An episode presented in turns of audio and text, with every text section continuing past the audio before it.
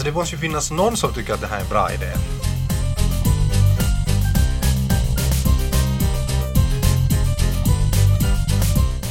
Alla fuskar. Alla de där barnen fuskar.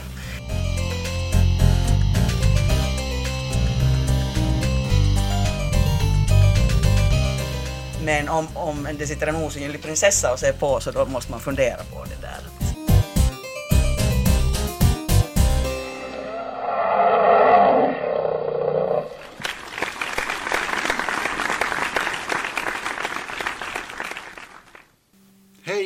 Välkomna till ännu ett avsnitt av Tigerpodden. Med oss här idag har vi Marika Parkkomäki, hejsan, Hejsan. och Jan Runt som jag tror att har varit här eh, troget i alla poddar nästan, stämmer det? Nej, jag tror jag missade en. Du missade en. Ja. Just det. Och Janne Vass heter jag. Det där, eh, vi hoppar in genast på dagens teman. Um, Sote-reformen Eh, pratar vi nu om eh, i, i, i medierna och, och i samhället och överlag och regeringen försöker nu runta igenom den här SOT-reformen och vi funderar här före podden att, att eh, vi vet nästan ingenting om SOT-reformen trots att vi borde veta. Var, varför tror ni att, att det känns som att, som att det är så att trots att det talas så mycket om den här så vet vi riktigt, inte riktigt vad det handlar om? Jag tror inte att de själva heller riktigt vet vad det handlar om. Det är så komplicerat, det är så enormt och det är så stort. Och, och, var det nu inte så att det senaste var att det var den andra gången de stötte ihop med grundlagen i år alltså. Så att jag försökte läsa om det men jag får inte liksom gå ihop. Jag förstår inte vad det handlar om. Bara att det är dåligt, så verkar det. ja, det är skrämmande. Jag fick just reda på, eller jag tror att jag fick reda på, att vad det innebär är att man skulle ha på något vis socialtjänsterna centraliserade mera så att alla får längre väg till sin socialen också. Men det hade jag inte någon aning om förr. Det läste jag för några dagar sedan. Och det hade väl att göra med det att medan hälsotjänsterna ska kunna vara valbara och också privata så får inte socialtjänsterna vara privata. Och sådana här grejer som inte man vet någonting om. Så det är lite sådär att det känns som att eh, ju mer man tittar på det desto mer faller det i bitar och liksom rinner mellan fingrarna. Ja, är det nu inte så att om inte den här landskapsreformen går igenom så då faller he- hela skiten i princip? Ja, det verkar så. Ja. Och det här eh, Magnus Svanljung på Yle hade, hade alldeles nyligen en, en eh, analys på webben där han, där han noterar att, att allting pekar just nu på att sote-valet kommer, eller vad heter det, landskapsvalet kommer att, att skjutas upp därför att, att man har inte fått, ännu fått i kraft de, de reglementen och lagar som man ska få i kraft för att man över, överhuvudtaget ska kunna hålla det här, det här landskapsvalet. Men, men fortfarande så säger säger Sipilä ett company att, att nej, nej, att det här är bara, det här är bara oppositionen som försöker sätta rattaita kapuloihin, kapuloita rattaisiin, eller vad det heter. Så att det här är äh, men, men har ni någon, har ni någon som helst uppfattning om att, om att varför eh, försöker nu regeringen driva igenom den här reformen med sån hast när det är, verkar tydligt och klart för, för var och en som ser på det här att, att, att det här går inte rätt till. Alltså det måste ju finnas någon som tycker att det här är en bra idé. Och det betyder ju att, att någon måste ändå tycka att, att det där, att om regeringen nu skulle få det här igenom så då har de gjort en fin grej. Och jag antar att det är det att det är ganska lite tid kvar att, för den här regeringen att göra någonting som ser ut som att de har åstadkommit någonting bra.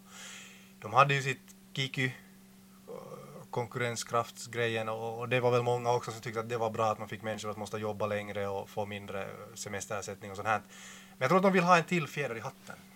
Och och för vissa är det här väl bisarrt nog en fjäder. Ja, för Kokomus är det väl den där valfriheten som är deras liksom deras sida av myntet skinande och, och Keskustas har sen den här eh, reformen. Men det där, jag vet inte, jag jag tror att du har rätt att säkert är det så att, att de måste få igenom det här för att då har de liksom gjort vad de lovade och inbesparingar handlar det ju väl om i, i grund och botten sist och slutligen fast det kanske nu sen ändå är så att det inte blir så mycket billigare. Men allting pekar ju på att, att det kommer inte att, att ge dem inbesparingar som, som är det tänkt. Det kommer möjligtvis att bli lite dyrare. Är fascinerande. Så det här, ja det är nog, det är nog verkligt intressant. Och det är ju intressant också det att, att, att till och med fast man skulle se det här som, en, som ett samlingspartistiskt projekt så är det allt fler och fler samlingspartister som motsätter sig eh, den, här, den här reformen med bara med Jan Vapaavuori i, i, i spetsen som nu har liksom leder någon sorts man kan nästan kalla det för, för korståg för att fälla den här den här. Men det, det, det är absurt att någon sätt Jan Vapaavuori har, har blivit nu den här eh, riddaren som går i spetsen för projektet att fälla Sote-reformen. Men han har säkert också sina egna, eh egna kor i diket i, i, i, den frågan. Helt men i alla fall. säkert. Mm. Men kom inte Susanna Koski kom ju också med just det, också i det här, tänker rösta emot det. Så att... Är det månne, du liksom börjar vi rada upp vem som månne kan tänka sig att ställa upp i presidentvalet. Alltså Jan Vapaavuori, vi hade Jallis förra gången. Och varför inte Susanna Koski som en sån här, vad heter det nu, svart häst eller sådär? Blåsvart häst. Med det där. Kanske det. Men alltså vad heter det, ja, jag tycker alltid när man pratar om valfrihet så jag menar det är ju förstås, vi pratar ju om privatisering så det är klart att vi Samlingspartiet är överlyckliga. Men, men skrämmande tanke är det ju på många sätt. Eh, Marika, du är mest känd som skådespelare men, men nu för tiden så har du flyttat till uh, social och hälsovården. Kan du berätta lite vad du sysslar med för tillfället? Uh, jag studerar snart första året slut till mental närvårdare med inriktning på ungdomar men det här första året har varit sån här allmänt så att jag har jobbat inom åldringsvården, dagis och nu är jag på sån här rehabiliteringshem för alkoholister. Så att det där, jag har sett ganska stor skala på ett år om det här liksom både barn, åldringsvården och nu det här som de mest utslagna så att säga, de som det här är nu kvinnor, 19 kvinnor på ett ställe som bostadslösa, inkomstlösa äh, kvinnor med alkoholproblem. Vad är du rädd att, att kommer att, att hända med de här mest utsatta i samhället ifall SOTA-reformen går igenom? det, de 19 som bor på det här stället var jag är, det är ett mirakel att de har ett ställe att vara på. Så att de, de är liksom överlyckliga för att de får vara där. Att det faktiskt, jag läste att det finns ungefär eh, från 300 000 till 600 000 eh, invånare i Finland med alkoholproblem. Och det är ganska få av dem som blir privilegierade med att få så bra vård som de, till exempel de här får de kämpar de här också hela tiden med Kela, pengar, pengar, de har inga inkomster, de har ingenting, de har eh, Edun, Valvo i alla, de har får inte ens ta hand om sina egna pengar. De är liksom, i samhällets ögon så är de helt värdelösa, så upplever jag det. Och där är också ganska unga människor, där är liksom 25-åriga kvinnor med drogproblem. Så att, och den, den där inställningen att man har själv liksom orsakat när, man, när det handlar om liksom vad är det, päihdeångelma, det är lite mer än, än alkoholproblem. Missbruk. Missbruk, mm. ja. Så Eller det vad där. heter det? Rus, Den. Rusmedelsproblem. Ja, ja. Att eftersom de själv har orsakat det så är de liksom på något sätt ännu mer värdelösa. Plus att det, för, speciellt för kvinnor antar jag ingår så mycket tabu att man det där, det är skamligt för att kanske har med roller att göra att moder och många har barn och, och så här och deras livshistorier är helt huisiga. Jag har har stött på sådana tidigare. Och det där. Mycket skam och tabubelagt. Så därför är det ganska fint att se att de här kvinnorna har en gemenskap och de kämpar på och försöker komma tillbaka i samhället. Så att, jag vet inte, om det här går igenom så kanske de alla hamnar på gatan igen. Ja, men det, jag tycker det, det är ju någonting som man, som man ser ganska tydligt just nu i, i den social och hälsovårdspolitik som förs i Finland det är just det här liksom tänkandet med att, med att folk som är arbetslösa eller folk som har, som har dragproblem eh, eller på annat sätt är så att säga utslagna i, i, i samhället har sig själva att, att skylla.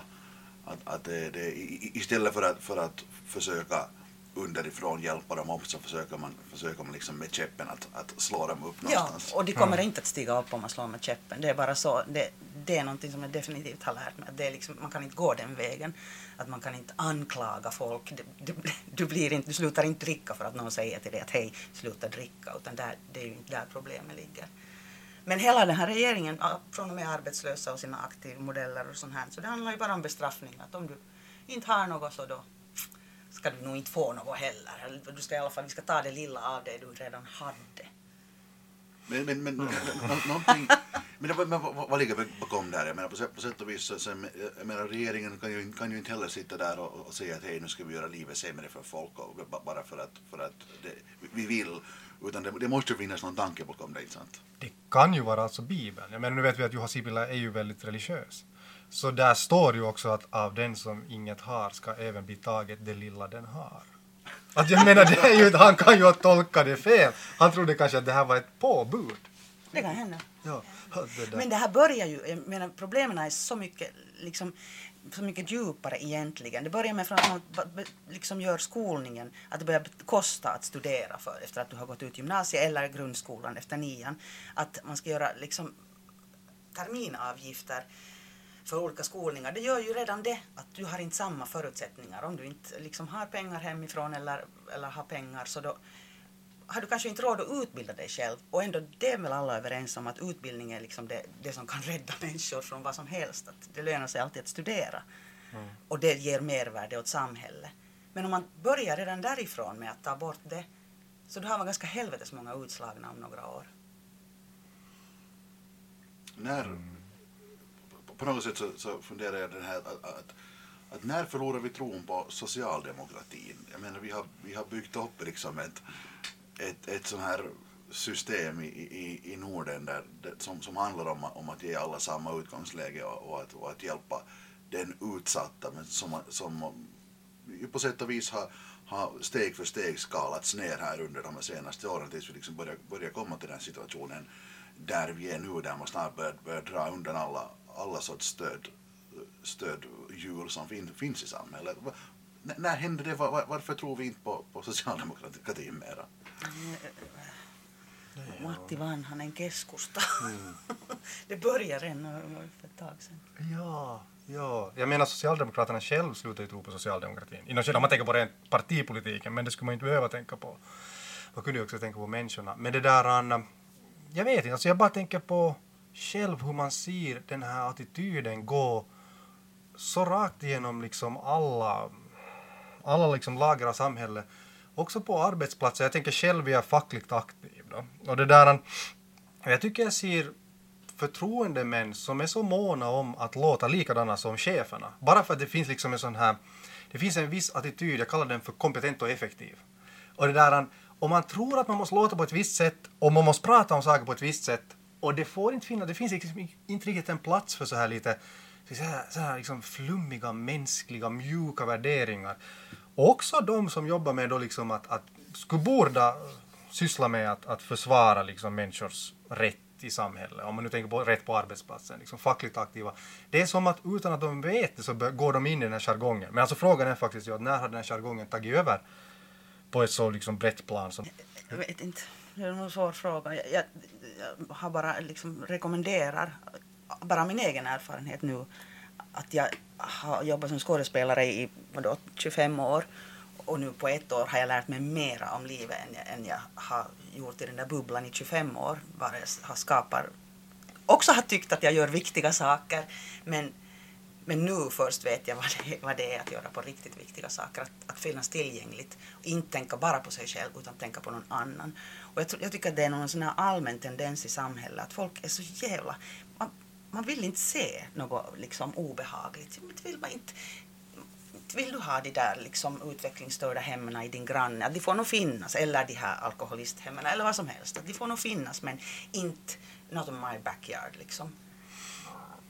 Så jag tror att ju mer längre det går så, desto man främjas från verkligheten. Mm, ja, och det, det, det är det klassiska på något sätt, att, att de här eh, så att säga, infödda finländska tiggarna som går och, och vill ha en slant till en, till en öl på gatan, så de, de har vi alltid tyckt att på något sätt varit helt okej för att de ser ut som oss på sätt och vis. Men, men så, fort, så fort de här romska tiggarna kom in i, i, i gatubilden som, som det här han inte liknar oss andra som inte, inte så att säga, att säga hör, hör till gatubilden inom citationstecken. Så då börjar vi genast plötsligt att, att, att diskutera att, att vi ska ha tiggeriförbud och så vidare. Mm.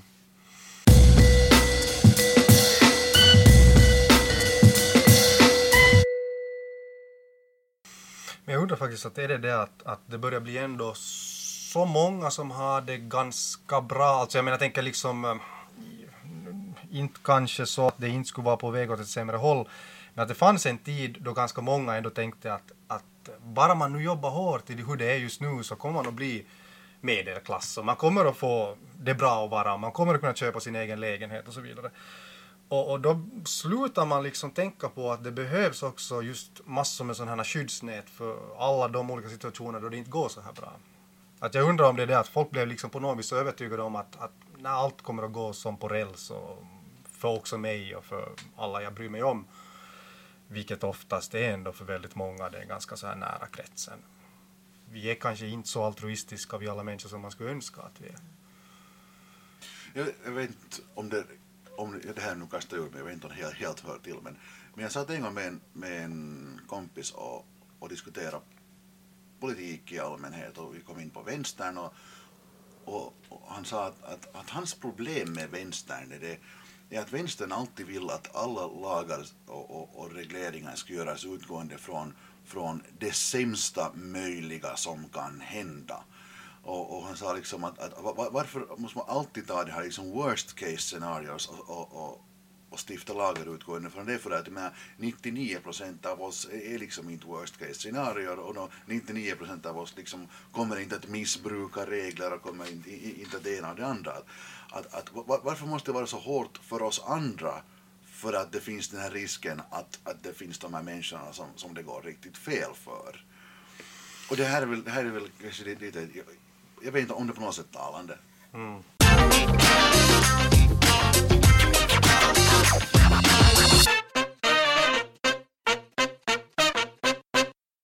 tror det där att, att 99 procent, kanske 50 procent enligt en intressant undersökning, jag tror det var Ernst Young, ni vet det här, mm, vad är de nu, de är kredit, eller nej, de är väl en sån här stort revisorföretag och så vidare, men det är också kreditvärdering.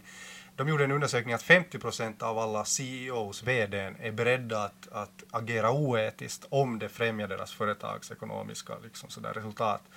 Och det där, jag pratade igår med en person som studerar nu på en sån här magistersprogram på Hanken, alltså som vuxenstuderande, bygga på någon annan examen. Och, det där, han, och han konstaterar att, att det är alltid så att om inte finns en regel som hindrar att man går liksom snett, om man tänker på att alltså börja gå snett med tanke på att förgifta miljön och så vidare. Så det kommer alltid att vara så att vissa företag börjar med det och så följer de andra efter för att det är ekonomiskt liksom, det finns ett ekonomiskt incentiv att göra det. Det måste finnas då regler som hindrar det. Och, det där, och, och nu vet jag inte om din kompis tänkte på helt samma sorts regler, det vill säga regler för att hindra att man liksom utnyttjar andra människor eller liknande. Men äh, åtminstone inom då tydligen sådana som jobbar med ekonomi eller utbildar ekonomi så tar man det för givet. Alltså länge det finns ett ekonomiskt in, in, incentiv som inte hindras av någon straffbot så då kommer man att ta den vägen för att det är liksom ekonomiskt rationellt. Etik styr inte liksom så mycket på, på sådana här, åtminstone liksom marknaden. Mm. Intressant, så ett jätteintressant program om, om barn. Det var en forskare som hade det där, satte förskolebarn, sexåringar i ett rum och så hade de en, en eh, korgbollskorg eh, uppe på, på, på en vägg och så hade han dragit ett streck på golvet och så sa han att vi går, ni, ni får komma in i rummet en och en och stå här bakom den här linjen och vänd ryggen mot den här korgen och kasta bollen genom korgen. Att det här ska ni göra, det här är er uppgift. Och så hade de förstås då en kamera i rummet och så kommer de här sexåringarna en och en in i det här rummet och ställer sig bakom den där och försöker först, men det är ju jättesvårt att inte se korgen. Så alla fuska, alla de där barnen fuska. De det där bara gick kastade in den och sen var de jättelyckliga. Och det där. Så kom det en ny grupp och han gav samma uppgift om sexåringar. Men då sa han att det sitter en, eh, en nu ringer Jannes telefon. Eh, det sitter en, en osynlig prinsessa här, att hon sitter och vaktar. Hon sitter här bredvid stolen bredvid den där korgen. Och så gjorde de samma sak och så gick han ut och ingen fuska. De gick nog fram och kände på stolen och pratade med den här osynliga prinsessan alltid emellanåt. Men de följde reglerna. Och jag tycker att det här är någonting, därför att jag berättar någonting om människans moral överhuvudtaget. Att, att kanske människan är benägen att, att, eh, att förgifta omgivningen om det finns en chans till det. Mm, mm. Men om, om det sitter en osynlig prinsessa och ser på så då måste man fundera på det där. Att... Jag tycker det är ganska fint att tänka sig att vänstern är en osynlig prinsessa. det var det jag menade. Ja. ja. ja. Nu meddelar min telefon här att vi har slut på tid. Jag tycker att det är ett utmärkt ställe att, att avsluta den här podden med att vänstern är samhällets osynliga prinsessa. Tack så mycket Marika och Jan och vi hörs igen om någon vecka. Tack. Tack uppe.